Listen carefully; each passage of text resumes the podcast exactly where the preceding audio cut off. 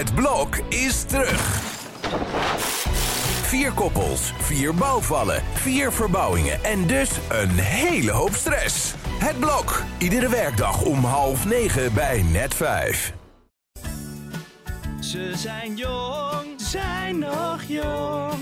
En hun harten liggen op hun tong. Altijd alert, erg alert. Hun mening eindelijk ongefilterd. Dit is Ongefilterd met Kitty en Elif. Ja, welkom bij een nieuwe aflevering van Ongefilterd met Kitty en Elif. We hebben vandaag een bijzondere gast, Joris Luindijk. Welkom. Dankjewel. We delen in deze podcast altijd een eh, ergernis. Zo beginnen we altijd. En ehm, we vroegen ons af, ben jij iemand die zich snel eh, ergert aan dingen? Eh, ja, Oh, dan ben je Ja. hier helemaal op je plek. ik krijg heel veel binnen, dus ik registreer heel veel. Hypersensitief. Ja, Ja. dus er komt heel veel binnen. Ja. Ook, ik, ik erger me dus aan dingen, maar ik, ik pik ook heel erg de ergernis van andere mensen op. Als zich aan jou ergeren. Nou, bijvoorbeeld. bijvoorbeeld. Maar dat gebeurt dus bijna nooit. Eh, maar eh, ja, in het algemeen. Er wordt wat afgeërgerd. Ja, ja, zeker. Jongen, jongen, jongen. Dat, eh, Vertel mij wat. Aan jou? En in het algemeen ook. Dus ik heb vier jaar in Egypte gewoond. Daar zijn mensen zo gehard. Die zijn echt zo in staat om veel grotere tegenslagen dan eh, of gewoon ergernissen of ja, wat tussen tegenslag en ergernis zit. Eh, twee uur rechtop in een overvolle bus staan terwijl het 40 graden buiten is. En die bus, een deel van de uitlaatgassen, die bus weer inblazen. En dan gewoon helemaal rustig te blijven. Daar zijn mensen zoveel meer in staat om te incasseren. Maar dat hangt misschien ook een beetje af van waar je bent. Want ik merk altijd aan mezelf dat als je op zo'n plek bent, dus bijvoorbeeld in nou ja, de Midden-Oosterse landen of in, nou, in Istanbul kom ik vaak, dat je dan pas je een ergernisniveau eraan aan. Ja. Dus dan ga je jezelf ook minder snel ergeren. Terwijl je hier, zeg maar, je echt aan het minste of geringste al ergert, maar daar kan je het opeens allemaal hebben of zo. Qua Oh nee, dat heb ik helemaal geluid en, en Nee. mensen die dicht op je staan en geur en al, al die dingen. Heb jij ook? Ja. Ja. ik dacht opeens van, ja, misschien is dat, ligt dat dan ook aan de plek waar je bent of zo. Dat het dan, Ja, de houding van anderen. Maar volgens Ja. mij is het ook dat eh, het geloof, in ieder geval in Egypte, betekent gewoon dat je dus, eh, je, je erkent een soort grotere orde. Dus mensen prevelen dan ook altijd eh, religieuze dingen. Hmm. Van God weet meer of zoiets van, van zoveel stelt het niet voor. Ja. Ik denk dat het- als je individualistisch bent, dan voelt alles persoonlijk. Dat getoeter ja, en zo. het het is allemaal een affront het is niet persoonlijk, mensen. Maar misschien komt het bij jou ook wel, want jij bent dan altijd op vakantie. Dus dan heb je natuurlijk ook een andere mindset. Want ik, ik kan me dus herinneren dat Ja. in Israël... Ik heb in Israël gewoond. Elif moet altijd lachen omdat ik dit heel vaak zeg. Ja, elke aflevering zo ongeveer. Eh, als ik daar op vakantie was, dan dacht ik altijd, oh, het is zo geweldig. Ik wil er zo graag wonen en heerlijk. En iedereen is zo open en lekker niet die individualistische cultuur. En toen ik daar eenmaal zat, toen dacht ik, ik word echt helemaal gek van alles. Gewoon het, en inderdaad dat je je de hele tijd overprikkeld voelt. Want die samenleving zo intens is. En jij, jij hebt ook in Israël gewoond, toch? Eh, ja. Ja. ja, of aan de Palestijnse kant. Maar Ja. volgens eh, de meeste Israëliërs woonde ik in Israël. Ja, ik, ik vond dat alles was een onderneming. Als ik dus naar mijn werk moest, dus ik ging daar een tijdje dan werken. Ik liep daar stage. Gewoon daar naartoe gaan met de bus. Dat leverde al zoveel Ja. stress op. Ja. Gewoon sowieso dat niks daar natuurlijk op tijd is. En ook bij ook kleine dingen. Dat de bus, die stopt dan zeg maar niet gewoon bij de stoeprand. Die stopt dan zo. Midden als, op de het, als weg. het even niet uitkomt, gewoon midden op de Ja. weg. En dan moet je zo Vijf meter verder lopen Ja. om erin te gaan. en dan heb je allemaal mensen die dan je zo omzij, opzij beuken. Dus zeg maar niemand staat in de rij daar. Dus dan ben je echt 's ochtends al gewoon zo totaal geërgerd. En Ja. dan op een gegeven moment dacht ik, oké, ik weet toch niet of dit echt mijn land is. Je moet gewoon naar Scandinavië ergens gewoon in de, in, ergens in de bossen of nou zo. ja, dat, dat vind ik, komt. ik vind de Zweden of zo vind ik dan ook weer heel koud. Daar zijn dan mensen weer zo heel koud en zo bedeesd. En Ja. dat, dat is weer tegenovergestelde. Maar eh, ja, misschien is Nederland dan toch wel, Perfect. ja nou perfect. maar Maar het is ook in Ne- in Nederland is de sfeer heel erg van als je dus incasseert ben je een sukkel. We pikken het niet. Dat is heel erg die houding. En dat Ja. je dus als je ook zegt van nou ja, zo erg is het ook weer niet. Dat je eigenlijk een sukkel bent die dus over zich heen laat lopen en waar iedereen maar, eh, het gaat ten koste van jezelf. De zin ten koste van jezelf, dat is echt Ja. een soort Ja. ultieme nachtmerrie van de individualist. Stel Ja. je toch eens voor dat er iets ten koste ging van jouzelf. ja. Nou, dit is dus een heel mooi bruggetje naar de ergernis die ik dus deze week wilde delen. Dat gaat over, dit zijn twee situaties die de afgelopen paar weken heb meegemaakt. Allebei in het OV, nou één in het vliegtuig en één in het OV. En dat zijn mensen, dat is eigenlijk de inflatie van het begrip recht. Dus ergens recht op hebben. En dat eh, ligt een beetje in de lijn van wat jij net zei. Ik had twee situaties. Eerst was in het vliegtuig. Dat was een vrouw die werd helemaal boos omdat haar trolley in de cargo moest in plaats van in de bagagerekken. Toen begon ze te schreeuwen en ze maakte een hele scène. En het, het zorgde zelfs voor vertraging van het vliegtuig, omdat zij zo een scène aan het maken was. En zij de hele tijd, this is my passenger ride. I have the right to have my trolley with me on board, bla bla bla bla bla. En die mensen, die stewardessen, die hadden echt zoiets van, ik zag aan hun hoofd dat ze zoiets hadden van, mens, hou alsjeblieft op. En het ging maar door en door, totdat iemand anders uiteindelijk aanbood van, nou, ik doe mijn koffer wel in, het, in de cargo, want dan kan jij het doen. En toen ging ze dus heel erg, ehm, eigenlijk, eh, hoe zeg je dat, self-righteous reageren. Zo van, ja, nou, dat is mijn recht. Want die stewardess zei van, nou, iemand die biedt aan om dit voor jou te doen. Dus zei ze, ja, nou, maar dat moet ook, want het, nou, zei ze weer, het is my passenger ride, my passenger ride. En toen snapte die stewardess dus van, ja, maar you, could at least say thank you, weet je wel. Iemand offert zichzelf op voor jou. En zij bleef daar echt zitten met zo'n hoofd van, nou, dit is gewoon mijn recht. En ik had het dus vorige week ook in de trein. Het was een overvolle trein. Was ook een vrouw van, ik denk, nou, rond, rond de 30, een beetje onze leeftijd. Die begon ook te eisen van, ik wil hier zitten tegen een jongen van 25. En hij zo, nee.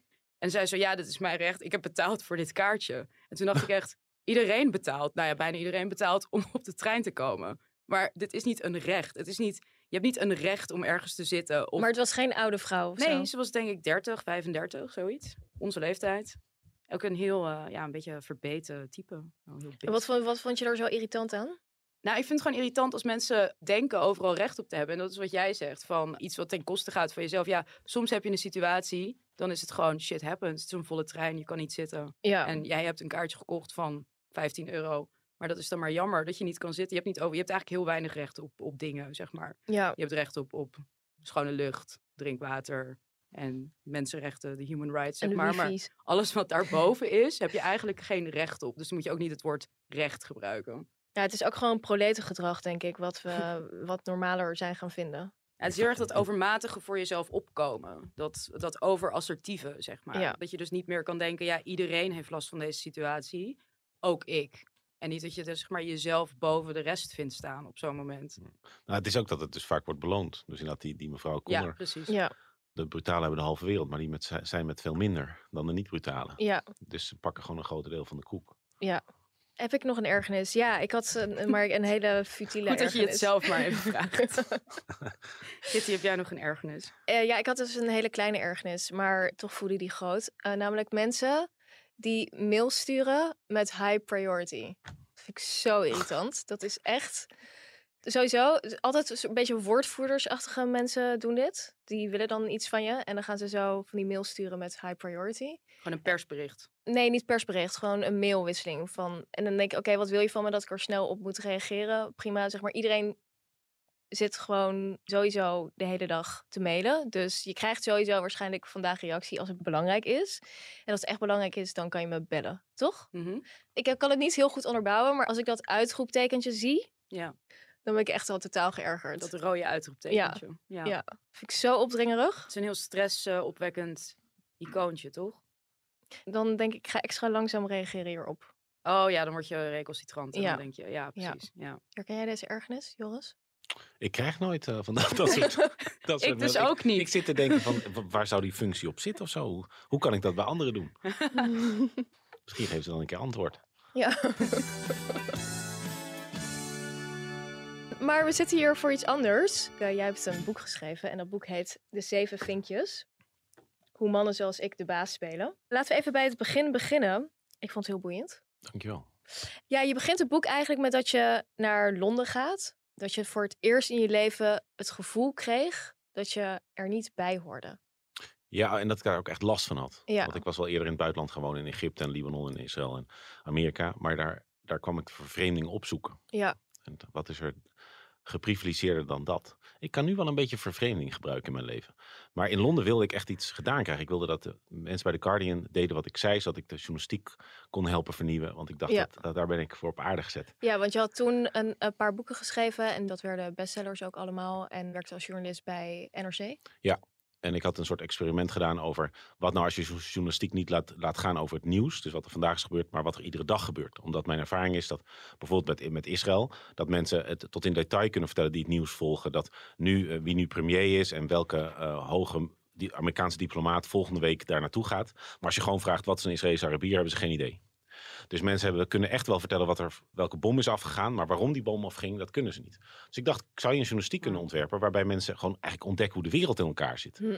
Wat iedere dag gebeurt. Uh, dus daar had ik al heel veel denkwerk over gedaan. En de hoofdredacteur van The Guardian dacht van, uh, nou, dat, is, dat mag je bij ons eens komen proberen met de financiële sector. Dat je gewoon op nul begint en bankiers gaat interviewen over hoe het eigenlijk werkt. En toen dacht ik van, nou, dat, dat wil ik gaan schalen. Dat kunnen we namelijk ook met de EU doen en met klimaat en met, met Israël, met zoveel verschillende andere onderwerpen. En dat lukte me dus totaal niet om daar steun voor te krijgen. Echt totaal niet. En sowieso klikte ik gewoon niet met mensen. Dus ik, ik, wilde heel graag dat ze me aardig vonden. En uh, dat heb ik sowieso, sowieso, al moeite mee om dat te bewerkstelligen in de wereld. Maar hier was het echt gewoon. Weet je, ik miste ook allemaal. Dan maakten ze een, een of ander grapje. En dat, nou ja, dat, dat verwees dan naar een reclame of naar een verkiezingsslogan of naar een kinderliedje of zo. Dat kende ik allemaal helemaal niet. Ik begreep er geen zak van. Er was bij vergaderingen viel geen woord dat ik niet snapte. Ik hoefde geen woord op te zoeken. En ik had geen idee wat ze nou eigenlijk hadden besloten. Ja. En, en eerst dacht ik van gekke Engelsen. Want het is ook inderdaad Engels staan onbekend. Die gebruiken interesting voor iets wat ze niet interesting vinden en zo. Tot ik in Nederland met mensen ging praten en besefte van in Nederland heb je dat ook. In Nederland heeft ook, hebben honderdduizenden mensen ook die ervaringen gehad toen ze voor het eerst gingen werken. Alleen ik heb die ervaring niet, omdat mijn ouders al hoog opgeleid waren en de Nederlandse cultuur hadden. En ik daarna steeds alleen maar op plekken kwam waar mensen ook dienst uitmaakten die de Nederlandse cultuur hadden en hoog opgeleid waren. Dus ik was in Nederland een vis die het water niet ziet, omdat ja, heeft nooit in iets anders gezwommen. En je had denk ik in Engeland ook wel verwacht dat er redelijk naadloze aansluiting is. Toch? Dat, dat ook ja, omdat het, eh, Nederland is enorm anglofiel. Tenminste, dat, dat is ook een klasse ding. Maar dus over het algemeen is zijn uh, hoogopgeleide uh, anglofiel en de rest is uh, pro-Amerikaans. Dus het is ook een manier om te laten merken dat je chic bent en niet van de straat is om heel erg van Engeland te houden en zo. en dus ik, ik had in mijn jeugd, al mijn lievelingsseries waren Brits. Mijn, mijn lievelingsband was The Smiths. Ik keek het liefst naar de Young Ones en zo. Ik dacht echt van, dat zijn mijn, dat zijn mijn neven daar. Maar dat vonden ze ook helemaal niet. Ze, vinden, ze, vinden, ze hebben niet eens een hekel maar, maar was je niet gewoon te eager? dat kan ook. Ja, dat kan ook. Ja, ja. Dat wekt denk ik heel veel weerstand op bij mensen. Als ze merken van, oh, die wil, die wil ja. graag. Ja. ja, dat kan zeker mee hebben gespeeld. Ja, en dat ik dat hier minder had, omdat ik dacht van, hier komt het wel goed. Maar daar kwam ik dus ook niet achter. Dus het lastige is dat als ik hier te eager ben, dat ik snel genoeg de signalen oppak dat dat zo is. Maar dat, ik miste die signalen allemaal. Dus al die, die culturele codes miste ik, maar ook die omgangsvormen, hoe dan hoogopgeleide Engels allemaal met elkaar omgaan. En ik had, omdat ik daar niet had gestudeerd, had ik dus ook niet een netwerk van mensen die ik al. Ik merkte bijvoorbeeld met Kitty dat er eigenlijk al twee lijnen liepen van mij naar jou. Wij zitten bij twee mensen zitten we op één uh, handdruk van elkaar. Waarschijnlijk zou dat bij jou, als wij doorpraten over elkaars leven, ook zijn. En op die manier voel je ook al heel snel zo'n beetje hoe, hoe, hoe dingen vallen. En dat had ik dus allemaal niet. En toen besefte ik van, zo is het dus om buiten de norm te vallen. En dan had ik dus nog een wit mannenlichaam hetero mannenlichaam. Net als de hoofddirecteur, de kroonprins en de premier. Dus ik kon nog niet eens gediscrimineerd worden. En het was dus allemaal nog bungee jump. Want ik kon niet de pletters slaan daar bij de Guardian. Want ik kon altijd nog terug naar Nederland. Mhm. Dus het, het is allemaal echt, om de grote denker Thierry Baudet te citeren. Het was allemaal homeopathisch verdund. Maar nog steeds... Maar toch uh, voelde je gediscrimineerd? Nee, ik voelde me niet gediscrimineerd. Ik ontdekte dus dat niet alle uitsluiting is discriminatie. Nee. En dat is volgens mij ook wel echt een hele, heel belangrijk inzicht. We moeten eerst die discriminatie de grond instampen, uh, geloof ik.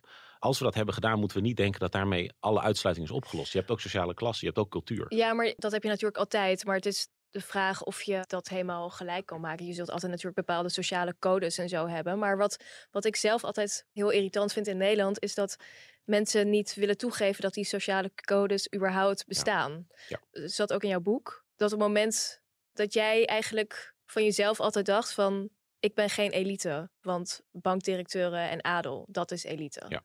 Ja. Dus de elite is altijd de ander. En ik, volgens mij in Engeland is dat niet zo. Volgens mij in Frankrijk ook niet. Daar hebben mensen wel wat meer bewustzijn dat ze denken van, oh ja, wij zijn gewoon de elite en we hebben ook een bepaalde taak of zo. Maar in Nederland is er altijd die ontkenning. Ja, en in België ook, de Duitsland ook, Scandinavië ook. Dat ze, als je dus wil weten of iemand uit een middenklasse milieu komt, dan moet je gewoon vragen, uh, wat denk je dat sociale klasse belangrijk is? En dan zegt die persoon, nee, sociale klasse speelt in Nederland al lang geen rol meer. Mm. Dan weet je, oh, jij had uh, hoogopgeleide ouders of ouders met geld. Want voor jou speelt dan inderdaad sociale klasse geen rol. Want je zit je hele leven in hetzelfde reservaat. Ja. En dus merk je ook niet dat er buiten het reservaat op een heel andere manier met elkaar wordt omgegaan. Maar je hebt er nooit last van gehad, want je bent zelf hoogopgeleid geraakt. En dus zit je voor altijd in die 30% van de bevolking hoogopgeleide. Maar dat was het lastige in Engeland ook wel hoor. Dat als ik zei van, kun je mij uitleggen hoe de codes werkten? Dat mensen zeiden, codes, codes, wees gewoon jezelf joh. En ja, dat kon dus niet, want ik kende die codes niet. Ja. Maar er is dus ook een, echt een onwil, en die merk ik ook in Nederland, om, om te erkennen dat die codes bestaan. Dat er, dat er een manier is waarop je zegt, misschien niet, misschien niet, misschien niet. En dat dat drie hele verschillende misschien niet zijn. Ja, En ik, bijvoorbeeld, ik begeleid, het staat ook in het boek, ik begeleid iemand een beetje dat ik een stage voor haar weten te regelen. Eh, dus ik stuurde een e-mail aan haar. Ze heeft nul vinkjes. Uh, ander lichaam, andere, andere achtergrond dan ik. En zij zei, oh, eh, wat fijn. Ik heb nu nog tentamens. Over twee weken stuur ik een mail. En ik besefte op dat moment hoe die codes in Nederland zijn. Nee, als, als zoiets wordt geregeld, dan zeg, stuur je meteen een eenregelige mail naar degene bij wie die stage kan gaan lopen. En zegt, hey, dankjewel, ik heb nu tentamens. Ik mail je dan en dan eh, met uitgebreider. En dan doe je dat over twee weken ook. En dan heb je dus twee momenten waarop je even zichtbaar bent. En je hebt laten zien dat je betrouwbaar bent en andermans tijd niet verpest. Zij zei, nou dat had ik totaal niet verwacht. Ik denk, ik moet spamrisico vermijden. En die mensen zo min mogelijk tijd van hun in, hen innemen. Ja. Ja. Moet je je voorstellen, je hebt dus iemand in je organisatie gehaald in het kader van de diversiteit, echt andere culturele achtergrond. En die krijgt drie mails van mensen die zeggen, kom, we gaan een keer koffie drinken. En die persoon reageert twee weken niet. Want die denkt, ja, jullie zijn allemaal druk en ik kan toch pas over twee weken koffie drinken. Dan is het dus al misgegaan. Klinkt ook als een generatieding. Want dat spamgevaar is denk ik meer een... Dat is echt een, denk ik, een jonge mensen ding. Om te denken van, oh, die mensen zijn allemaal heel druk. Ik ga ze niet lastigvallen. Want dat is de gedachte erachter, toch? Maar- Terwijl het dan asociaal overkomt omdat je niet reageert op een mail. Ja, Ja. Maar, maar bijvoorbeeld Lodewijk en Willemijn, die weten echt wel dat ze op dat moment gewoon meteen eventjes eh, moeten zeggen dankjewel. Die hebben dat assertieve. Ja. En dat assertief heeft, dat hangt ook samen met of je dus je ouders altijd dat hebt voorzien doen. Of je ouders zich op hun gemak voelden in een restaurant. In restaurant zijn niet restaurant. En of die eh, zich geïntimideerd voelden door hoogopgeleiden. Of daar gewoon op gelijke voet mee praten. Of ze dus, als ze naar de ouderavond kwamen. Of ze met die leraren gewoon echt op basis van gelijkheid spraken. Of dat er misschien moest worden getolkt. Of dat er echt zo'n gevoel was van, oh jee. Dus ik denk assertiviteit eh, speelt echt een hele belangrijke rol bij wat, wat wordt aangezien voor kwaliteit. Ja, jij zegt eigenlijk van eh, die sociale codes, maar die heb je eigenlijk, denk ik, die heb je in elke sociale bubbel. Lagere sociale klassen, daar zitten ook verschillende sociale bubbels in. Je hebt natuurlijk ook van die situaties waarbij bijvoorbeeld elitaire of hoogopgeleide mensen opeens in een, eh, ik noem even een, een hypothetisch voorbeeld van je hebt een, een reggae feest of zo, of een Latin feest. En je neemt daar Willemijn of eh, Jan Willem eh, mee naartoe als zeg maar white person. Die voelen zich dan heel oncomfortabel. Maar dat is dan toch vooral gewoon het minderheid versus meerderheidsprincipe. Dus jij wordt eigenlijk als, als buitenstaander opeens in een cirkel gedropt waar je je niet gemakkelijk voelt. Dat is zeg maar het, het omgekeerde daarvan. Maar is het dan realistisch om dat helemaal uit te bannen? Nee, ik denk dat dat sowieso niet kan. Er wordt op een bepaalde manier met elkaar omgegaan in de elite van Nederland. En als jij ouders hebt die daar al zo om mee gaan, dan krijg je dat mee op een manier waarop de anderen dat nooit zullen leren. Maar het wordt nu heel vaak gelijkgesteld aan kwaliteit. En dat noemen we klikken. Dus dan zeggen van waarom, waarom kreeg die nou de promotie en die niet? Ja, ik klikte veel meer met die. En zonder dat je dat dan voor jezelf benoemt, is dat eigenlijk, ja, omdat die persoon dezelfde soort jeugd had en dezelfde soort ouders en ook dezelfde soort ervaringen niet. Ja. Hè, dus de, de ervaring van dat je je invecht in een nieuwe sociale klasse, invecht in een nieuwe cultuur, dat je kras op je ziel krijgt door discriminatie. Als je dat soort ervaringen niet hebt, allebei, klik je heel makkelijk. Maar het is heel gevaarlijk als je dat niet voor jezelf als zodanig benoemt en je zegt nee, dat is kwaliteit. Dat doet onze premier. Die benoemt de hele tijd mannen zoals hij zelf.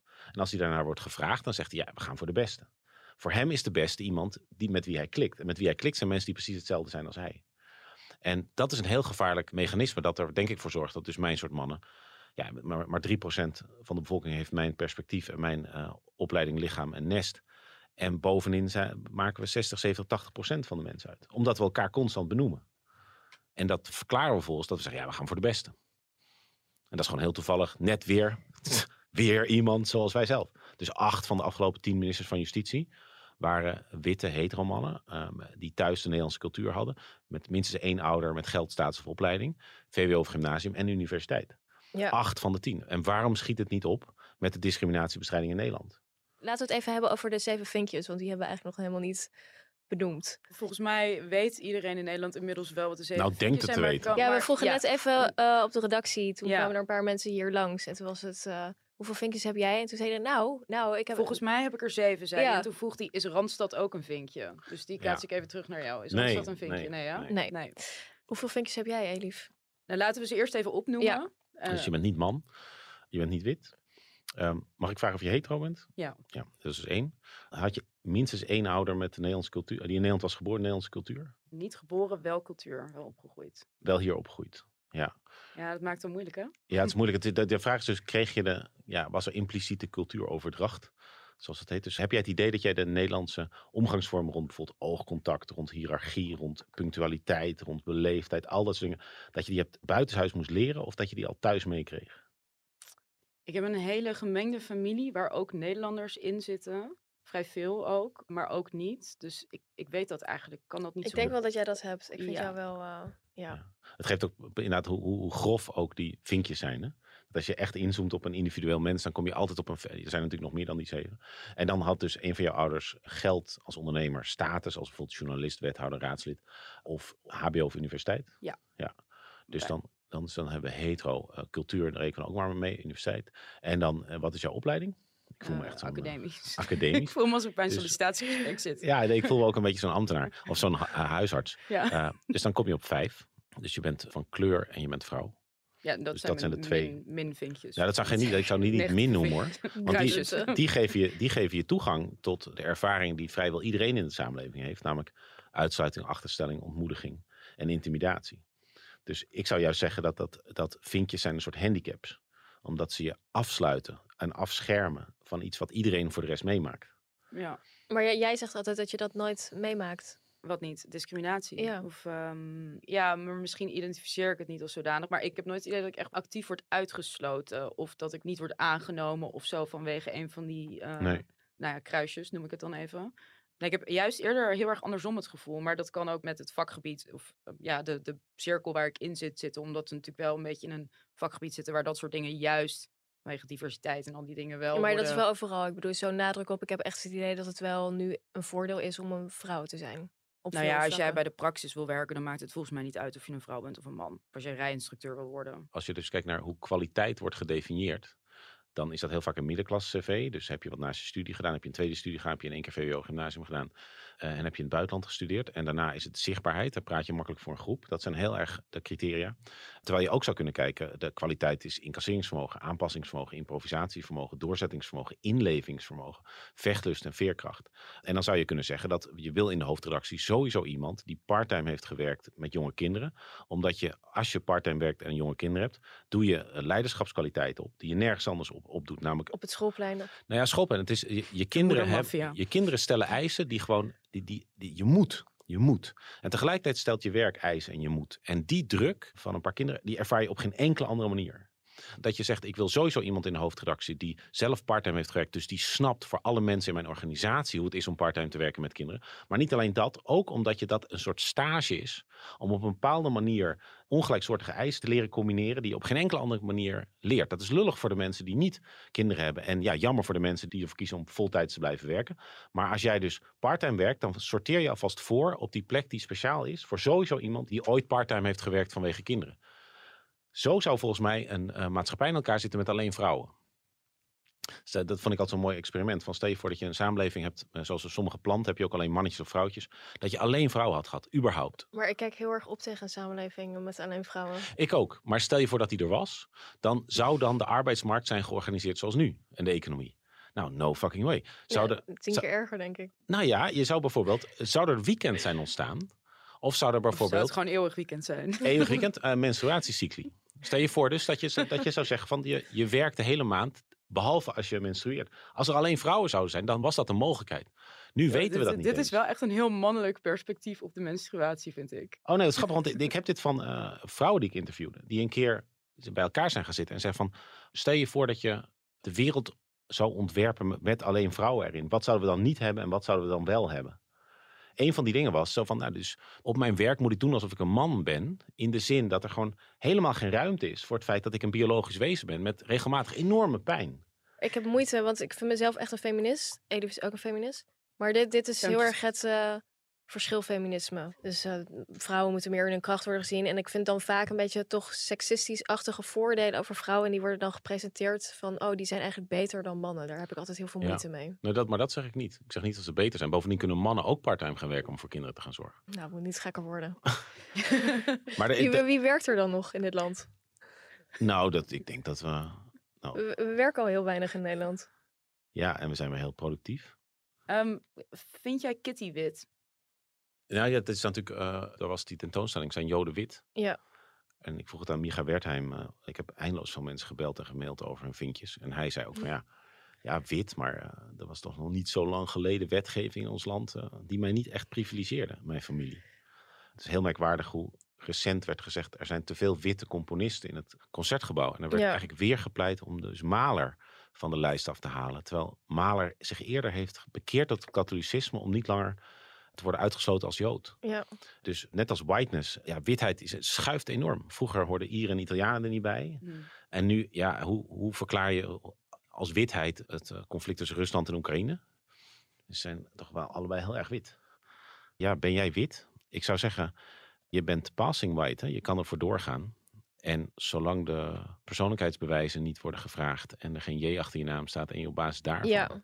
Dus het is een soort etniciteit. Uiteindelijk reken ik eh Lodewijk Asscher, Job Cohen, Marcel Levy niet tot de zeven vinkjes. Omdat ik denk, kenmerk van een zeven vinkje is geen enkele ervaring met discriminatie op basis van groepskenmerken. En ja, als je als Jood zeven vinkje, nou, dat hoeven we niet eens verder toe te lichten. ja, maar mensen vragen wel altijd waar ik vandaan kom. Toch wel. Ja. Ja, maar dan denken ze wel dat je wit bent, maar dan denken ze dat je niet Nederlands bent. Dat is dan weer misschien iets anders. Ja. Ja, want je hebt natuurlijk ook witte migranten. 10% van Nederland heeft een witte migratieachtergrond. Ja. Ook zo'n statistiek waarvan ik dacht, huh?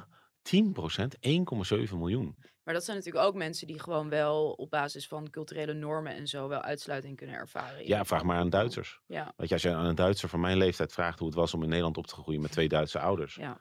Niet heel leuk. Niet heel leuk. Ik Nee. bedoel, echt niet vergelijkbaar met eh, sommige andere vormen van uitsluiting, maar echt niet leuk. Ja. Eh, en voor een Pool nu, nou dat is ook wel, ik denk dat menig jonge Pool in Nederland spraaklessen neemt om te- niet meer Pools te klinken. Want je Mm. hebt te maken met zulke, zo nare voordelen. Al die eh, vrouwen uit Oost-Europa die meteen worden aangezien voor prostituee. Ja. Dus ik zou zeggen, wit ja, maar als je Joods bent, heb ik altijd het idee dat je thuis een andere cultuur hebt. Maar tegelijkertijd de Nederlandse cultuur in principe wel zodanig kent dat je erin kan opgaan. Dus rond codes, oogcontact, hiërarchie, punctualiteit en zo. Ja, maar ik ben dus een groot deel van mijn jeugd opgegroeid in een achterstandswijk. Je moet Eleveer lachen, want dat vertel ik ook altijd. Ehm, dus ik heb tien Voor jaar... de vaste luisteraar voor de vaste- bekend ja. voor, denk ik. Dus eh, mijn ouders zijn uit elkaar gegaan toen ik anderhalf was. Toen zijn mijn zus en ik met mijn moeder in de bijstand beland. En daar hebben we tien jaar gezeten. Mijn ouders waren allebei niet hoog opgeleid. Mijn vader kwam wel uit een welgestelde familie, maar daar heb ik geen, had ik heel lang geen contact mee. Ja, dus en ik groeide in een heel ander soort buurt op eigenlijk. Dus ehm, met heel veel eh, eh, kinderen van allochtone afkomst. Dus het was een hele multiculturele buurt. Ik had dus echt op een gegeven moment ging ik dus naar de middelbare school. En toen had ik echt het gevoel dat ik moest integreren in een middenklasse. Dat dat echt een andere manier van omgang was. En er was een paar jaar geleden was er zo'n eh, Facebookpagina en dat was Tata's Be Like. Hmm. En dat vond ik zo hilarisch, want ik vond ik zo herkenbaar. Dat allemaal van, allemaal van die dingen die ik dan moest leren. Dat dan er werd gezegd van, eh, je moet naar huis, want we gaan eten en zo. Hier hebben wij het trouwens ook heel Ja. vaak over. Je moet naar huis om te gaan eten. Ja, dat is zoiets. Oh ja, als je bij iemand van, eet. in plaats van dat iemand vraagt of je Blijf mee je wil, eten. of gewoon ervan Ja. uitgaat dat je... Ja. ja, Ja. Dus dat soort ehm, dingen, ja, dat, dat zat dus ook in hele kleine dingen. En, en Kun je nog een voorbeeld geven? het is dus meer de vanzelfsprekendheid of zo. eh, manier eh, van omgang die mensen hebben met elkaar. Ik vond de grofheid die mensen tegen hun ouders. Dat, eh, dat vond ik, vond ik heel schokkend. De eerste keer dat ik dat meemaakte. Had jij, heb jij dat ook, Elif?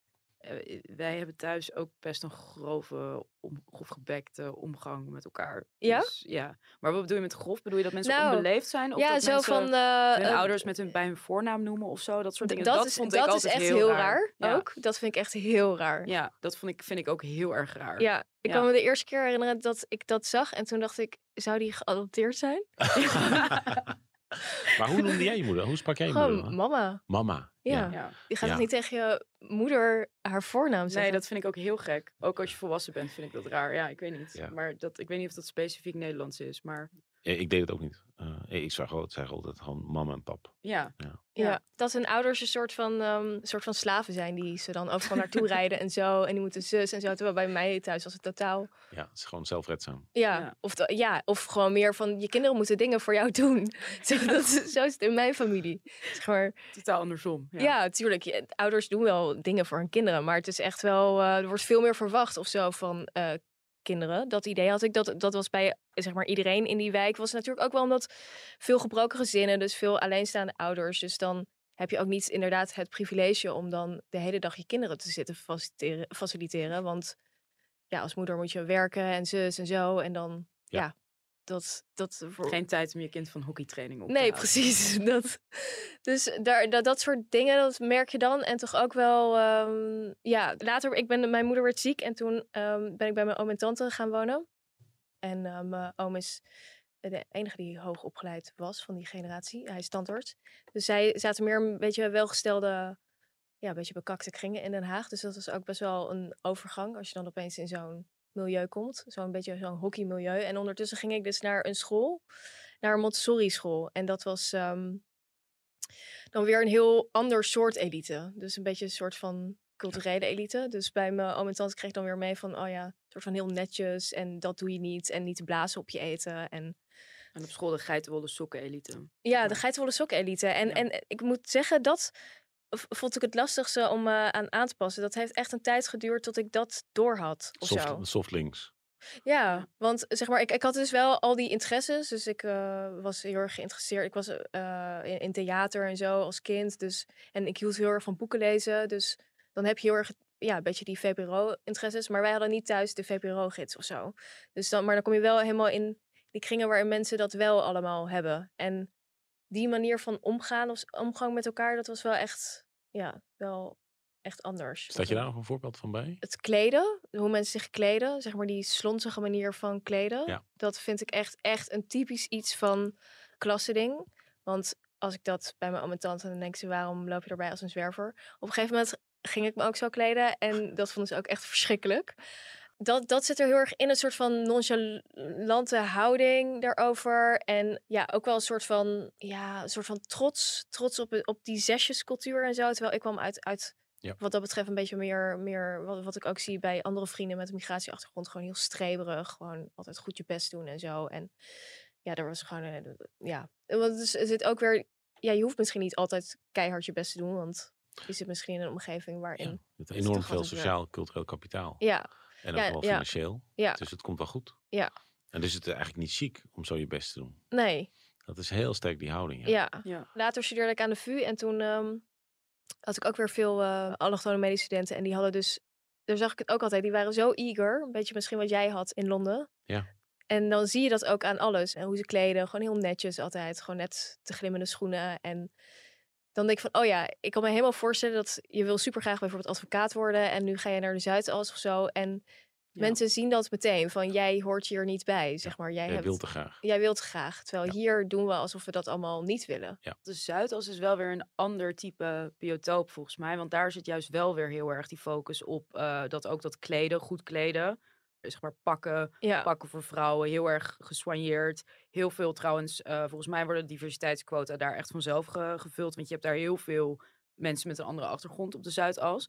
En daar is wel echt zo'n prestatiegedreven cultuur. En dat is wel echt anders dan dat beetje slonzige, wat meer in onze cirkel zit, zeg maar. Dat, Gemeente dat Amsterdam. semi-nonchalante, dat van eh, doe maar normaal en niet zo je best doen en niet al te veel. Ja, maar het is toch, het is toch netjes doen. op een bepaalde manier. Dus ik denk, kan me toch heel goed voorstellen dat als je, als je net niet de juiste schoenen aan hebt, of misschien heeft het ook wel te maken dat ze meteen voelen dat je niet mee kan praten over skivakanties of zo. Ja, dat zou wel weer kunnen. Ja, Ja. dat is wel weer. Maar ik weet zeker dat als je aan deze mensen vraagt van eh, waarom heb je die persoon niet aangenomen, dat ze niet gaan zeggen omdat hij te glimmende schoenen aan had. Ja. Maar het is wel het eerste wat ze zien. Zouden wel kunnen zeggen, hij wil te graag.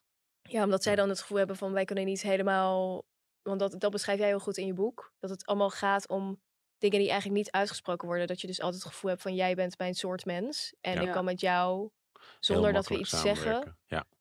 begrijpen we elkaar. Je Ja. wil een bepaalde dynamiek in stand houden, toch? In een groepsverband. En je wil geen verstorende factor hebben. En dat kan natuurlijk wel als je iemand aanneemt die op een andere manier of, of te gedreven of een bedreiging vormt voor de rest. Of Ja, en het gaat denk ik om. eh, heel veel van die diversiteitsliteratuur wordt een beetje gedaan alsof werk is een soort atletiekwedstrijd waar iemand dan gewoon heel hard rent. Nou, en dat is heel ondubbelzinnig en je kan gewoon tijd meten. Maar het is heel vaak samenwerken. Het is, het is meer volleyballen. En dus, dus eh, hoe meer je op elkaar lijkt, hoe makkelijker dat korte termijn Ja. samenwerken is. Je krijgt dan dus ook enorme gevaren van groepsdenken. Maar ik begeleid dus, ik begeleid al een tijd lang een paar schrijvers met echt hele andere vinkjes dan ik. En soms help ik wel eens iemand met al mijn vinkjes. Die, die, heeft dan een claim of zo, of dat, die vind ik aardig. Nou, met zo'n zeven vinkje ben ik echt drie keer sneller klaar omdat ik dus zo ontzettend veel referentiekaders deel. En zo snel door heb of er een misverstand is. Zo goed kan zien of een, of iets, of een opmerking goed is geland. Als hij niet goed is geland, kan ik hem zo snel repareren. En met zo'n zeven vinkje ontbreekt gewoon een heel scala aan traumatiserende ervaringen. Dus wij hebben allebei geen ervaring. We hebben geen kras op onze ziel. Waar merk je dat dan aan? Dat iemand... Nou, mannen zoals ik zijn echt heel erg allergisch voor wat we dan noemen boosheid. Oh ja. Want we zijn nergens boos over. Da- Daarom noemen we het boos. Het is verontwaardigd. Het is verontwaardigd dat er nog steeds allerlei vormen van uitsluiting zijn. Maar als je dat zelf niet ervaart, dan ga je al heel gauw denken, ja, en dan hebben we dan het woord prettig voor. Dus een prettig iemand. En een prettig Ja. iemand is die ook die krassen niet heeft. En ook die aanpassing niet heeft. En dus ook niet weten over code switching en over laveren en over verschillende werelden heen en weer. Want je hebt maar één wereld en je denkt, dit is gewoon de wereld. En als je jezelf bent en je doet je best, dan komt het goed. Want zo is dat voor mannen zoals ik. Als wij ons best doen en we zijn onszelf, dan komt het goed. Met zo iemand werk je gewoon automatisch heel makkelijk samen. Ja. Nou, dat heb ik dus met zeven vinkjes. Hmm. En het is dan dat ik lang in allerlei andere gebieden heb gewoond, waardoor mijn risicoanalyse wel een beetje is veranderd. Maar rond een hoop vlakken heb ik dus op dezelfde manier zo'n soort klik. Het gevaar is natuurlijk dat als je die mensen allemaal bovenin zet en ze denken allemaal hetzelfde. Dat ze denken, nou, onderadvisering, nou, eh, wachtlijst sociale huurwoningen, lage geletterdheid, eh, toeslagen, schandaal, het valt allemaal wel mee. Ja, omdat ze het zelf niet meemaken en Ja. zo worden bevestigd het idee dat anderen het ook niet meemaken. Want in hun bubbel praat niemand erover of maakt niemand het mee. Ja, dat is ook wel echt iets eh, wat ik heb moeten afleren. Merk bijvoorbeeld om fel te zijn. Dat heb ik echt afgeleerd. Omdat ik echt merkte dat mensen daar... Of nou ja, niet heel slecht op gingen. Maar dat ik altijd dacht van... Oh ja, ik bereik daar niet... Mijn punt komt niet over. Want Je wordt afgedaan als hysterisch of zo. Of als, ja, eh, nee, ik, ik, emotioneel. ik, ik vind niet dat ik snel hysterisch of zo ben. Maar als ik bijvoorbeeld zie hoe... Ja, in mijn familie dat we gewoon wel... Gewoon op een veel fellere manier en zo met elkaar praten. En dan denk je, oh ja, in de echte wereld, in de buitenwereld, dan is dat gewoon heel lastig. En dit is ook weer iets in Israël waar ik dan helemaal me heel Ja. fijn voel. Want daar doet iedereen dat de hele Ja. tijd. En het wordt ook helemaal niet persoonlijk opgevat. Ja, Terwijl ja. in Nederland worden heel snel dingen qua toon wordt heel snel persoonlijk opgevat. Ja, dus die, die, die term fragiliteit, die soms een beetje flauw is. Als, je, als, als een man zoals ik zich verweert tegen kritiek, kan het ook gewoon een inhoudelijke afweging zijn van de ge- geleverde argumenten. Maar vaak is het fragiliteit. Een soort van, hé, hey, maar ik wil dit helemaal niet horen. Ja. Eh, ik wil helemaal niet horen over deze, dit onrecht. Ik wil niet dat de politie eh, la- Ja. echt racismeproblemen heeft. Ik wil niet dat Zwarte Piet voortbouwt op, op eh, 400 jaar stereotypes waarmee de slavernij is gerechtvaardigd. Dat wil ik allemaal niet. Hou eens even op. Maar, maar dat is natuurlijk ook wel echt het probleem met labels als, als fragiliteit of white fragility of zo. Als, als jij in discussie bent met Sylvana Simon, zoals bijvoorbeeld gebeurde in Buitenhof, dan kan je eigenlijk inhoudelijk er niks tegen inbrengen zonder dat dat predicaat mogelijk Ja, wordt dat is dus heel jammer dat dat kan worden gebruikt. Want het beschrijft wel echt een reëel bestaand probleem. Ik, ik, ik geef veel van die verhalen, lezingen nu, en dat doe ik al een paar jaar, voor groepen. En dan zie ik die fragiliteit in actie. En daar komt ook dan opeens echt heel veel emotie los. En dan wordt ook de, het zevenvinkje heel boos. Die zegt, van, hoor ik jou nu zeggen dat het hier onveilig is? Want dat is een groot woord. Weet je, op die toon tegen een Ja. vrouw die eindelijk het woord durfde te nemen om te zeggen van nou, ja, iedereen doet hier wel alsof het allemaal zo geweldig is. Maar als ik gewoon eens even de afgelopen week turf, het aantal keren dat ik gewoon iets net niet leuks hoorde, wat echt te maken had met mijn geslacht. En dat, dat paatst eroverheen. Ja, Dus het, het is er echt. Het is natuurlijk heel verleidelijk om vervolgens alles af te doen Ja, als fragiliteit. precies. Maar dat, daar zit je dan, moet je dus heel erg, eh, ja, eigenlijk heel kieskeurig zijn met wanneer je dat zo'n woord inzet. Ja. Want je hebt nu gewoon aan beide kanten heel veel vervuiling eigenlijk. dus er, ja, er ontstaat niet echt een verbinding, zeg Nee. maar. Nee, en het is, het, ja, mijn, mijn grote vraag is dus van hoe help je nou die mannen zoals ik eigenlijk uit hun onschuld? En dus hoe help je ze aan hun antifragiliteit te bouwen? Hoe maak je ze een beetje weerbaar? En dat is dus echt heel erg moeilijk. En hoe doe je, hoe doe je dat dan? Nee, Het is, ik weet het ook niet precies. Het, ik, heb, ik dacht van, ik, maar ik schrijf een boek dat ze zouden willen lezen. Dus een, een boek dat begint op het punt waar ze zijn. Namelijk het idee, nou, ik heb altijd heel hard gewerkt. In Nederland wordt hard werken beloond. Dus dat ik bovenin zit, komt omdat ik hard heb gewerkt. En voor de rest discrimineer ik niet, want ik zeg wit. En eh, het probleem is boze witte mannen. En die herken je aan hun PVV-sticker. Dus dat is het zelfbeeld. En zeg van, nou, zo dacht ik ook altijd. Maar ik heb een aantal dingen meegemaakt eh, die deden dat deden wankelen. En toen ben, heb ik mijn eigen levens onder de loep genomen. Heb ik gewoon eens gekeken van waar zijn voor mij deuren open gegaan? Wie wees mij de weg naar die deuren? Wie wees mij de weg toen de deur open werd gemaakt? Wie maakte de deur open? Wie waren dat? En dat ik eigenlijk ontdekte, hé, hey, dat waren iedere keer mannen met mijn cultuur, mijn sociale klasse, mijn opleiding, mijn seksuele identiteit, mijn huidskleur. En het waren ook mannen. En dat gewoon zeven uit zeven. Dat is toch wel raar, vooral omdat dit maar 3% van de bevolking die mannen zijn. Hoe zou dat nou komen? En dat is dus een hele andere manier daarvan. Besef jij wel hoe schuldig je bent aan 400 jaar slavernij? Wat Ja. ook een manier is. En volgens mij ook, je kijkt dan eh, 20 jaar hele vriendelijke artikelen in de Groene Amsterdammer. Zwarte Piet is verdriet. Nul reactie. En vervolgens confrontatie. En nu hebben we eindelijk vooruitgang gemaakt. Dus dat mensen zeggen van die onschuld, dat is niet alleen met vasthouden en oh, witte tranen en kom hier dan troostukje. Ehm er moet ook confrontatie bij zijn. Volgens mij zeker. En, maar tegelijkertijd lijkt het erop dat er ook ruimte is voor mannen zoals ik, die mannen zoals ik gaan helpen. Want wij hebben echt hulp nodig. Wij zijn, ja, wij Maar zijn moeten jullie niet geholpen worden, juist niet door mannen zoals jij, maar door, door, door vrouwen zoals wij? Nou, ik denk? Of- ik denk dat het, het, het moet een mix zijn. Maar ik, ik merk dus dat eh, mannen zoals ik hebben zo ontzettend veel afweermechanismes. Dus ze zeggen al heel graag, hysterisch wijf. Ja, ondankbaar allochtoon. Oh ja, die moet echt Ja. nog door de verlichting. Oh, overgevoelige homo. Oh, eh drammerige, platpratende activist. Ze hebben al die, al die stickers. Want het is niet leuk. Weet je, de, de kernzin van mijn boek is... hoe neem je afscheid van een zelfbeeld dat je nooit had moeten hebben? Het zelfbeeld is, ik heb al mijn succes zelf verdiend. Nou, de self-help sectie in een, in een boekhandel ligt helemaal vol met boeken die zeggen: koop dit boek, dan voel je je beter over jezelf. Wat we nu tegen mannen zoals ik zeggen is: koop dit boek, dan voel je je slechter over Ja. jezelf. En dat gaat niet over zoiets iets als je CO2 uitstoot, waarvan je daarna weer denkt: nou, pff, boeien. Het gaat echt over de kern van je identiteit. Namelijk, heb ik eigenlijk recht op de plek die ik bezet?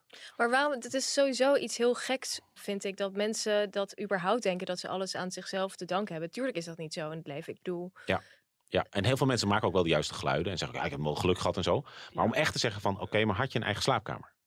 Had je ouders die naar de eh ouderavond gingen? Was het veilig thuis? Want Ja. als het niet veilig is thuis, kun je niet leren. Ging je met honger naar school? Had je een eigen kamer om je huiswerk te maken? Weet je, al dat soort dingen. Daar staan mensen ook helemaal niet bij stil. En je ziet dus ook vaak dat bijvoorbeeld feministes, dus vrouwen met zes vinkjes, heel scherp zien. Op al die plekken waar ze waarschijnlijk als ze man waren geweest wel een kans hadden gehad.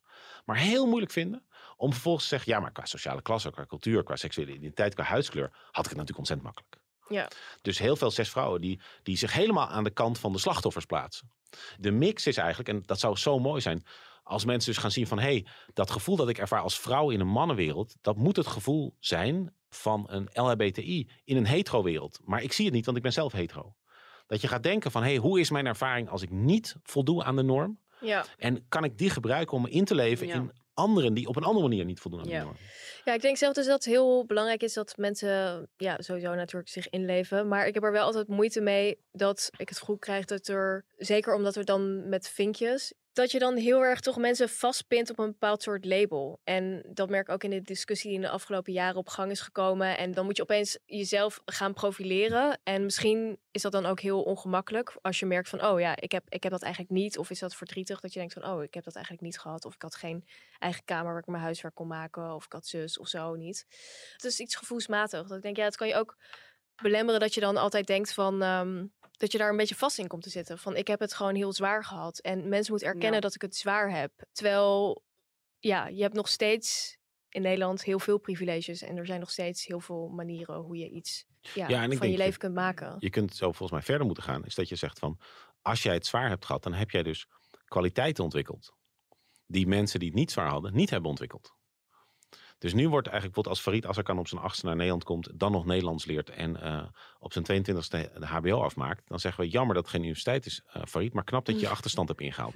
We zeggen niet van, wow, wat een ongelooflijke hoeveelheid buitenlandervaring, improvisatievermogen, inlevingsvermogen, aanpassingsvermogen, incasseringsvermogen heeft die jongen opgebouwd. Bij een sollicitatie wordt gezegd, oh, eh, heb je niks naast je studie gedaan, Farid? Oh, dan heb je, dan heb je geen levenservaring.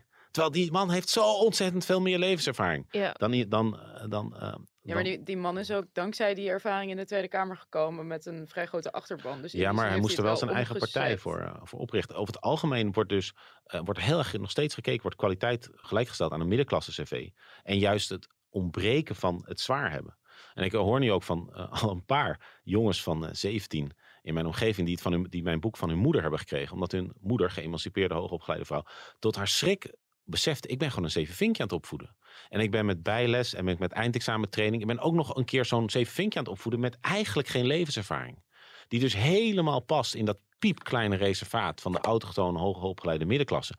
Maar help ik hem daar eigenlijk wel mee? Want het zou zomaar kunnen dat we over tien jaar bij sollicitaties, zoals Abigail Norville, de belangrijkste vrouw van kleur, bij het Rijk nu al doet, die vraagt niet meer naar middenklasse cv. Die zegt, waar ben jij afgeweken van de verwachtingen van je omgeving? Want daar zit je karakter. Ja, Ja. En als je dan dus Joris Luijendijk bent en je moeder gaf Nederlands en je vader was eh, psycholoog bij de overheid en jij interviewt nu mensen, psychologische interviews en daarna schrijf je daar stukjes over, dan zit daar geen aanpassingsvermogen, daar zit daar geen incasseringsvermogen. Dus kan het nog steeds zijn dat je kwaliteit komt brengen, maar qua levenservaring in ieder geval niet. Dus mensen komen nu vast te zitten omdat die norm in stand blijft over je moet eigenlijk toch zijn als Joris Luijendijk. En je hebt het zo zwaar gehad in je poging om te worden als Joris Luijendijk. Maar als we daar nou van afstappen en we zeggen van wat heeft Joris Luijendijk, Mark Rutte, Stef Blok, Wopke Hoekstra eigenlijk te melden, eigenlijk te brengen, behalve dat ze zo ontzettend lijken op de vorige generatie. Mark Rutte, Wopke Hoekstra, Stef Blok en Joris Luijendijk. En dan draai je gewoon de definitie van kwaliteit. En volgens mij zit daar de, daar de weg vooruit. Daar zit de bres in de machtspositie van mannen zoals ik. Wij definiëren kwaliteit en we zeggen, nou, knap Elif, je bent al best op weg om te worden zoals wij. Maar je bent natuurlijk nooit de real thing. En als het echt spannend wordt, nou, dan ga ik gewoon steeds harder praten. En als jij dat ook doet, klink jij als een heks en ik als een tovenaar. En een tovenaar, die is positief en jij niet. Dus zolang wij de norm blijven, zullen wij vooraan blijven staan. Hou je eigenlijk nog wel van jezelf, Joris? Nou, ik, dit is een, dat is een goede vraag. Ehm, laat ik er niet meteen op antwoorden. De, de, de- het is ook een gelaagde vraag. Het gaat vanuit dat ik ooit van mezelf hield. Eh, ik, het is een, dit is een categorie, hè? Dus het is een geen, heel Joods antwoord trouwens. ja, ja, Woody Allen, hè? Ik heb mijn joodsheid niet nodig om mezelf te haten. Het is een categorie, dus het is geen club of een religie of zo, of een vereniging. Dit zijn gewoon zeven bij elkaar geschoven kenmerken van mensen. Waarvan ik vaststel dat de rest probeert erop te lijken. Door te gaan praten zoals wij, door te verbergen dat ze MAVO-HAVO hebben gedaan en dat soort dingen. Maar ik identificeer me niet mee. Ik werk makkelijk met ze samen. Maar ik vind zelf het gezelschap van mensen met hele andere achtergronden zo ontzettend veel leuker. En het- ik, ik bots wel. En ik, maar zolang we allebei van elkaar zien dat we goed, van goede wil zijn en te goede trouw, kun je ook onhandige of zelfs kwetsende opmerkingen oplossen. Als de ander maar blijft geloven van jij, jij deed dit niet om mij te raken, dan kom je er altijd wel uit. En dan vind ik het veel leuk. Het is niet voor niks dat ik de helft van mijn volwassen leven in het buitenland heb gewoond. Weet je, ik vind andersheid echt enorm leuk. Dus nee, nee, nee, ik heb nooit van mezelf gehouden om terug te komen. Oh. Laat anderen maar van mij houden. wat verdrietig. Laat Oh, anderen maar van mij houden. Maar wanneer heb jij eh, het gevoel gehad, Elif, dat je er niet eh, bij hoorde? Nou, ik, ik, ik herken wel in die zin wat jij zegt. Dat is een beetje raar, omdat jij wel een zevenvinker bent en ik niet. Maar dat ik me vaak niet helemaal op mijn plek voel in totaal data-omgevingen. Dus bijvoorbeeld, nou ja, op mijn werk bijvoorbeeld is iedereen gewoon Nederlands, gewoon. En dan denk ik van ja, ik voel me toch altijd een beetje eh, de, een soort, ja, de, de paradijsvogel of zo. Of een, maar het kan ook door mijn persoonlijkheid komen. Die is natuurlijk ook heel speciaal. Ja, maar het is niet per se een, een gevoel van nou, dat ik denk van dit moet nu anders of dit moet, hier moet ik nu iets aan doen. Ik ben het wel een beetje gewend of zo, want dat is altijd wel eigenlijk in werksettings. Maar ik, ik, zelf, ik schrijf het altijd toe aan hoe ik ben, niet per se aan mijn kenmerken. Maar misschien zit daar een denkfout in. Nou, je kan gewoon, sorry, maar je kan gewoon met big data gewoon vaststellen dat mensen met jouw uiterlijk gewoon nergens de baas zijn. En we hebben nu een vrouw op eh, justitie en veiligheid met mijn Ja. kenmerken. Ja. Dus ehm Nadat bij de formatie eindelijk eens een keer een niet zeven vinkje aan tafel zat. Meerdere. Kaag. Nee, Kaag was Oh, bij de formatietafel. bij de ja, klopt. Ja. Ja. Maar ze zeggen van eh, de, de, bela- de belangrijkste beslissingen over je carrière worden genomen in een ruimte waar jij niet bent. Dus één ding voel jij je buitengesloten. Maar het is ook van wat gebeurt er als jij er niet bij bent. En dan moet je gewoon vaststellen, als je gewoon kijkt naar wie er op dit moment steeds weer gepromoveerd worden. Dat het niet zijn mensen zijn die eruit zien zoals jij. Dus het kan nog zijn dat jij het niet voelt, maar dan kan het er nog steeds zijn.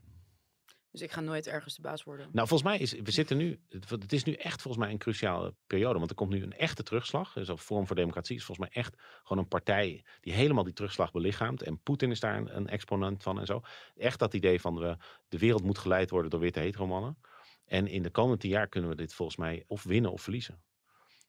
Dus het is echt een, ik vind het echt nu een spannende tijd. Voor sommige mannen is het gewoon onverteerbaar dat een vrouw en een vrouw van kleur zich überhaupt laat gelden. Noralie Beijer, de eerste nieuwslezeres van Nederland. De hoeveelheid ellende die zij over zich heen kreeg, puur omdat ze is. Dus het, het is volgens mij echt vechten. En daarom dat hoop ik wel dat eh, mannen zoals ik mijn boek lezen en beseffen van de, er is niet zoiets als neutraliteit. Als je niks doet, laat je een situatie in stand.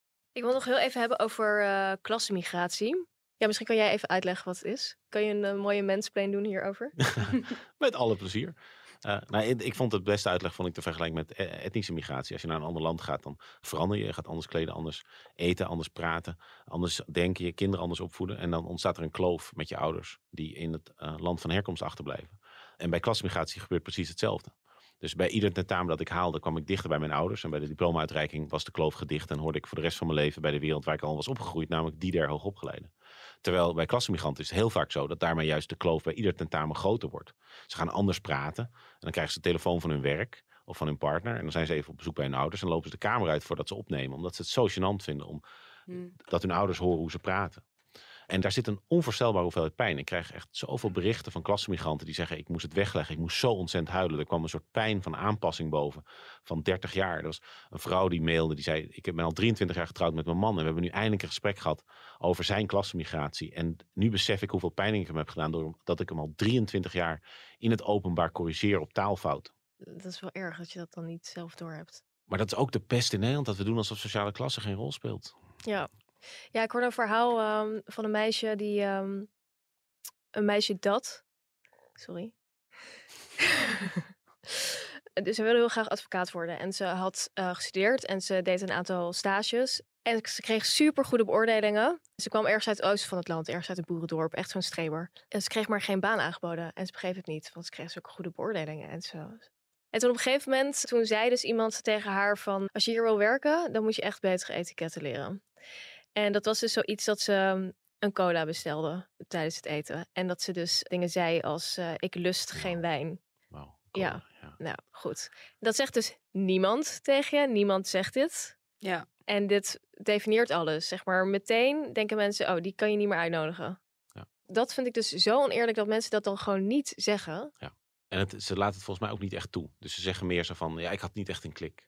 Ja, Laten het diffuus. Dat is denk ik ook een deel van de weerstand eh, tegen erkenning hoe belangrijk sociale klasse is. Is dat je eigenlijk je eigenheid veel meer moet definiëren. Het is veel makkelijker om te zeggen, waarom kan niet iedereen gewoon zichzelf zijn? Je hoort het Alexander Pechtold zeggen. ja, Ehm, ja, dat is zo, ja, cola, ja. ja het, en het is dus, eh, zeker in die advocatuur, hè, dan heb je die partners die zijn ontzettend druk. En die geef je eigenlijk een kwartier als nieuwkomer. En in dat kwartier moet je jezelf maar bewijzen dat, dat er een klik is en anders heeft hij geen tijd meer. nee. En in dat kwartier ja, is het natuurlijk zo ontzettend veel makkelijker als je meteen zegt, oh, zat je bij dat en dat dispuut en die en die hockeyclub. En oh, dan kunnen we meteen, kunnen we meteen schakelen. Ja. Dus dat met elkaar opschieten, dat is letterlijk. Hoe meer vinkjes je deelt, hoe makkelijker en sneller het met elkaar gaat. Ja. Dus ik vraag me ook af of zelfs als je dan leert om geen cola meer te bestellen, of je ooit daar op je plaats zult zijn. ja, dat zal waarschijnlijk eerder aanvoelen als zelfverloochening als je op die manier aanpast en, en dan alsnog toch niet. Maar dat dat, dat imposter syndroom, dat idee van dat je er toch eigenlijk altijd ieder moment kan worden gevraagd naar jouw uitnodiging voor het feestje. Ja, Ja. Ja, dat woord klassenmigrant, dat is zo, dat, dat maakt zoveel los bij zo'n lezing. En ik zie het gewoon aan. Want ik zit dan 50 mensen voor me. En ik begin over te vertellen over de diploma-uitreiking. En hoe dat voor mij, voor iemand uit mijn milieu, is dat een, iets wat je meteen weer vergeet. Ontzettend saai en zo. En dat voor hen zo heftig is om hun ouders binnen te zien komen. Dat ze in alles dat ongemak voelen van die ouders. eh, van, jee, dit is niet mijn wereld. En is het in het Engels, kunnen ze niet volgen. En dan zie ik langzaam, zeg maar, de, van de emotie gewoon de rode vlekken in mensen's gezicht ontstaan. En sommige mensen beginnen echt tegen de tranen te vechten. En die, dat zijn soms mensen die al twintig jaar collega's van elkaar zijn. Die weten alles van elkaar. Welke vakantie, welke school zitten de kinderen, wat voor auto gaan we kopen. Maar dat mhm. hebben ze al die tijd geheim gehouden. En opeens steekt dan iemand die zegt, ja, ik ben een Gerrit. Of ik ben een Ans, of ik ben een Kimberly. Mhm. Als een soort code voor, ik ben een klassenmigrant. Ja. Het is natuurlijk heel interessant, want welke generatie kwam er vanaf de midden jaren tachtig op de universiteit? Dat waren de kinderen van hoogopgeleiden. Dus je ziet ook dat de kinderen van hoogopgeleiden Ja. hebben gewoon andere prioriteiten. Ja. En die zijn niet meer bezig met sociale klas. Daarom is, waarom wordt in Nederland maar niet prioriteit dat één op de zes volwassenen die, eh, feitelijk laaggeletterd is? Eén op de zes. Ja. Het wordt maar geen prioriteit. Omdat de mensen die erover gaan, bij de kranten, de, de televisieredacties, de ministeries, de politieke partijen, die hebben zelf geen laaggeletterde familie. Ja, ik schrijf zelf veel over eh eh, laaggeletterdheid. Of ik heb in mijn column daar vaak eh, over gehad. En ik denk ook wel dat het met mijn achtergrond te maken heeft. Want altijd als ik met hoogopgeleide of mensen uit hoogopgeleide gezinnen... dan zeg ik, ja, maar er zijn heel veel andere dingen die heel erg belangrijk zijn op school om te leren. En denk ik, dat is altijd vanuit een positie waarin Je de rest al kan. De rest al kan. Of waarin jij sowieso weet van, oh ja, thuis worden er boeken gelezen. Of thuis krijg je dat sowieso mee. Of er zal iemand altijd jouw taal corrigeren of zo. Maar voor heel veel mensen, die leren het gewoon niet als ze het niet op school leren. Ja. En die zijn gewoon Ja. de rest van hun leven... eh, Ja, het is heel moeilijk bij te halen. Daar is zo erg van met die pubers. Want het is, als je Ja. weet, het is heel moeilijk daarna nog in te halen. Er dreigt gewoon een onderklasse te ontstaan. Die gewoon helemaal is afgesloten. Die de eigen kinderen niet kan helpen met huiswerk. Dus dan gaat het zich versterken. Ja. Die dus voor een deel bestaat uit witte autochtonen. Die echt ontzettend bitter worden. Omdat ze op een of andere manier nooit in aanmerking komen voor hulp. Want ze zijn wit en ze zijn autochtoon. Dat gevoel hebben ze althans. En voor de rest een gekleurde onderklasse. Die ook wel wordt aangemoedigd om het helemaal op discriminatie te gooien. Terwijl het Ja. ook heel vaak dit soort dingen zijn. En dat zijn we nu aan het laten ontstaan. Ja. En dat gebeurt dus op het moment dat nou, tot voor kort ook de PvdA in handen was van zeven vintjes. We Ja. hebben echt een hele beroerde periode gehad. Waarin alle machtsposities bijna in handen waren van zeven vintjes. Dus ja, sociale klasse moet echt terug in het hart van het debat, denk ik. Ja. Ik vond nog één iets eh, leuk, dat ga ik even voorlezen. Gerrit heeft een net zo gedreven en getalenteerde klasgenoot als hijzelf, Jacob. Zijn ouders komen uit Polen en thuis was er weinig geld en opleiding. Ook hij heeft zich door de universiteit heen geknokt. Ook hij haalt een laatste sollicitatieronde en daar vindt hij naast Joris Luijendijk ook Clarence tegenover zich. Dat was Anne Carlijns klasgenoot op het Vossius Gymnasium en de zoon van een in Suriname geboren medisch specialist en een witte autochtone hoogleraar. Grote kans dat één baan weer naar mij gaat en de andere keer dit keer naar Clarence. Dat is goed voor de diversiteit. Wat wil je hiermee zeggen? Nou, dus dat het gevaar is dat als je diversiteit beperkt, dat je het sowieso hebt over diversiteit en niet over rechtvaardigheid. En vervolgens zegt diversiteit van lichamen, waardoor je dus wel een aantal vrouwen erbij gaat zoeken. Maar dat zijn allemaal vrouwen met zes vinkjes. Sigrid Ja. Kaag, Femke Halsema-achtige mensen. Barbara Baarsma. Ver- vervolgens eh, nee, zeg je van we willen ook mensen van kleur, maar dat, zijn, dat is Clarence. En dat is dan eh, een biculturele zoon van een medisch specialist die in het Vossius opgroeit. Dus Die kortom- die bounty zou worden genoemd door zijn... zijn Ja, wat ik een, trouwens een, echt een hele misselijke term vind. Ja, echt maar een dat hele zo, term. zo zou die wel worden genoemd. Ik vrees het ook. Ja. En vervolgens nog een eh, Herman Tjenk Willink of een Boris Dietrich. Die dus zes vinkjes heeft, maar homo is. En vervolgens zeg je, nou, kijk, we zijn hartstikke divers. Wat nou kansongelijkheid? Clarence en eh, Herman Tjenk Willink en, eh, en Femke zitten er toch ook? Dan laat je dus een heel groot deel van de bevolking gewoon helemaal buiten beeld. Maar die, die verneder je ook nog eens keer door te doen alsof zij volledig gelijke kans hadden. Want Clarence en eh, Femke en eh, Ja. Herman zitten er ook. Ja, En dat is volgens mij echt een gevaar wanneer we dus rechtvaardigheid eigenlijk. We moeten dat echt doen op eh, huidskleur, geslacht en seksuele identiteit, maar we moeten het er niet bij laten. We moeten echt ook cultuur erbij trekken en sociale klasse en natuurlijk nog een aantal andere dingen. Ja. Dat is volgens mij echt een gevaar. Wat, wat zeg je tegen Gerrit, die opgroeit in een gebroken gezin, laaggeletterd, in een klein dorpje in Drenthe.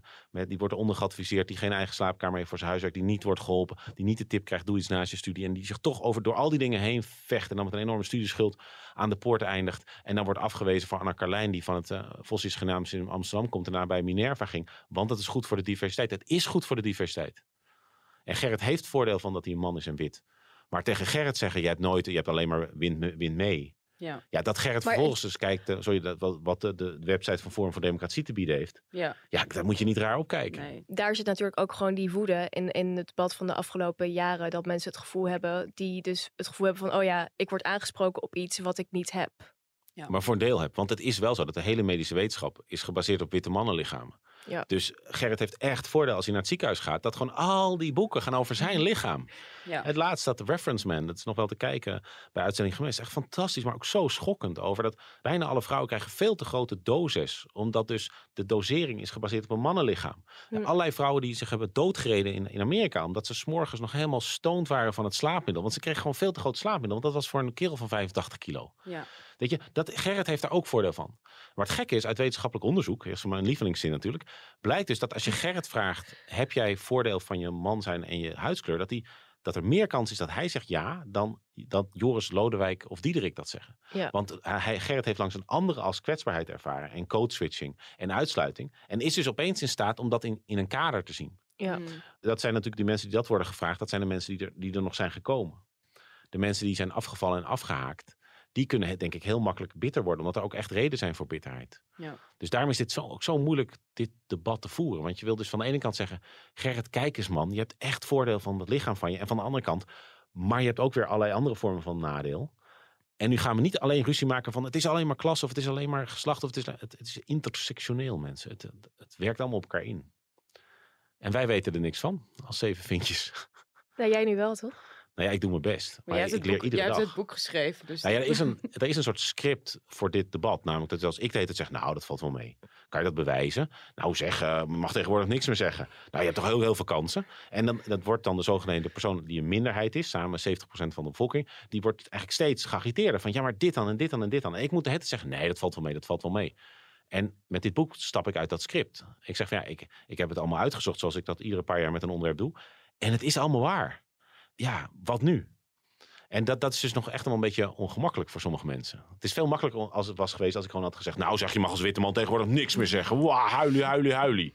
Weet je, dan, dan weet iedereen wat ze moeten doen. Ja, ehm, heel erg bedankt. Ja, dankjewel. Het was heel interessant. Ik hoop dat je je een beetje comfortabel voelde hier in het Hol van de Leeuw. Ja, nee, de, de, de Telegraaf. nou ja, ik heb liever dat mensen niet over mijn boek schrijven dan hoe dat nu is gebeurd. En de Telegraaf schreef er niet over, dus eh, veel dank. Graag gedaan hoor. Nou, ik wilde er nog een column eh, over schrijven, maar toen eh, dacht ik, het is nog leuker om je gewoon te spreken. Ja. Dus vandaar. Ja. Oké. We zijn er weer volgende keer. Ja, bedankt voor het luisteren.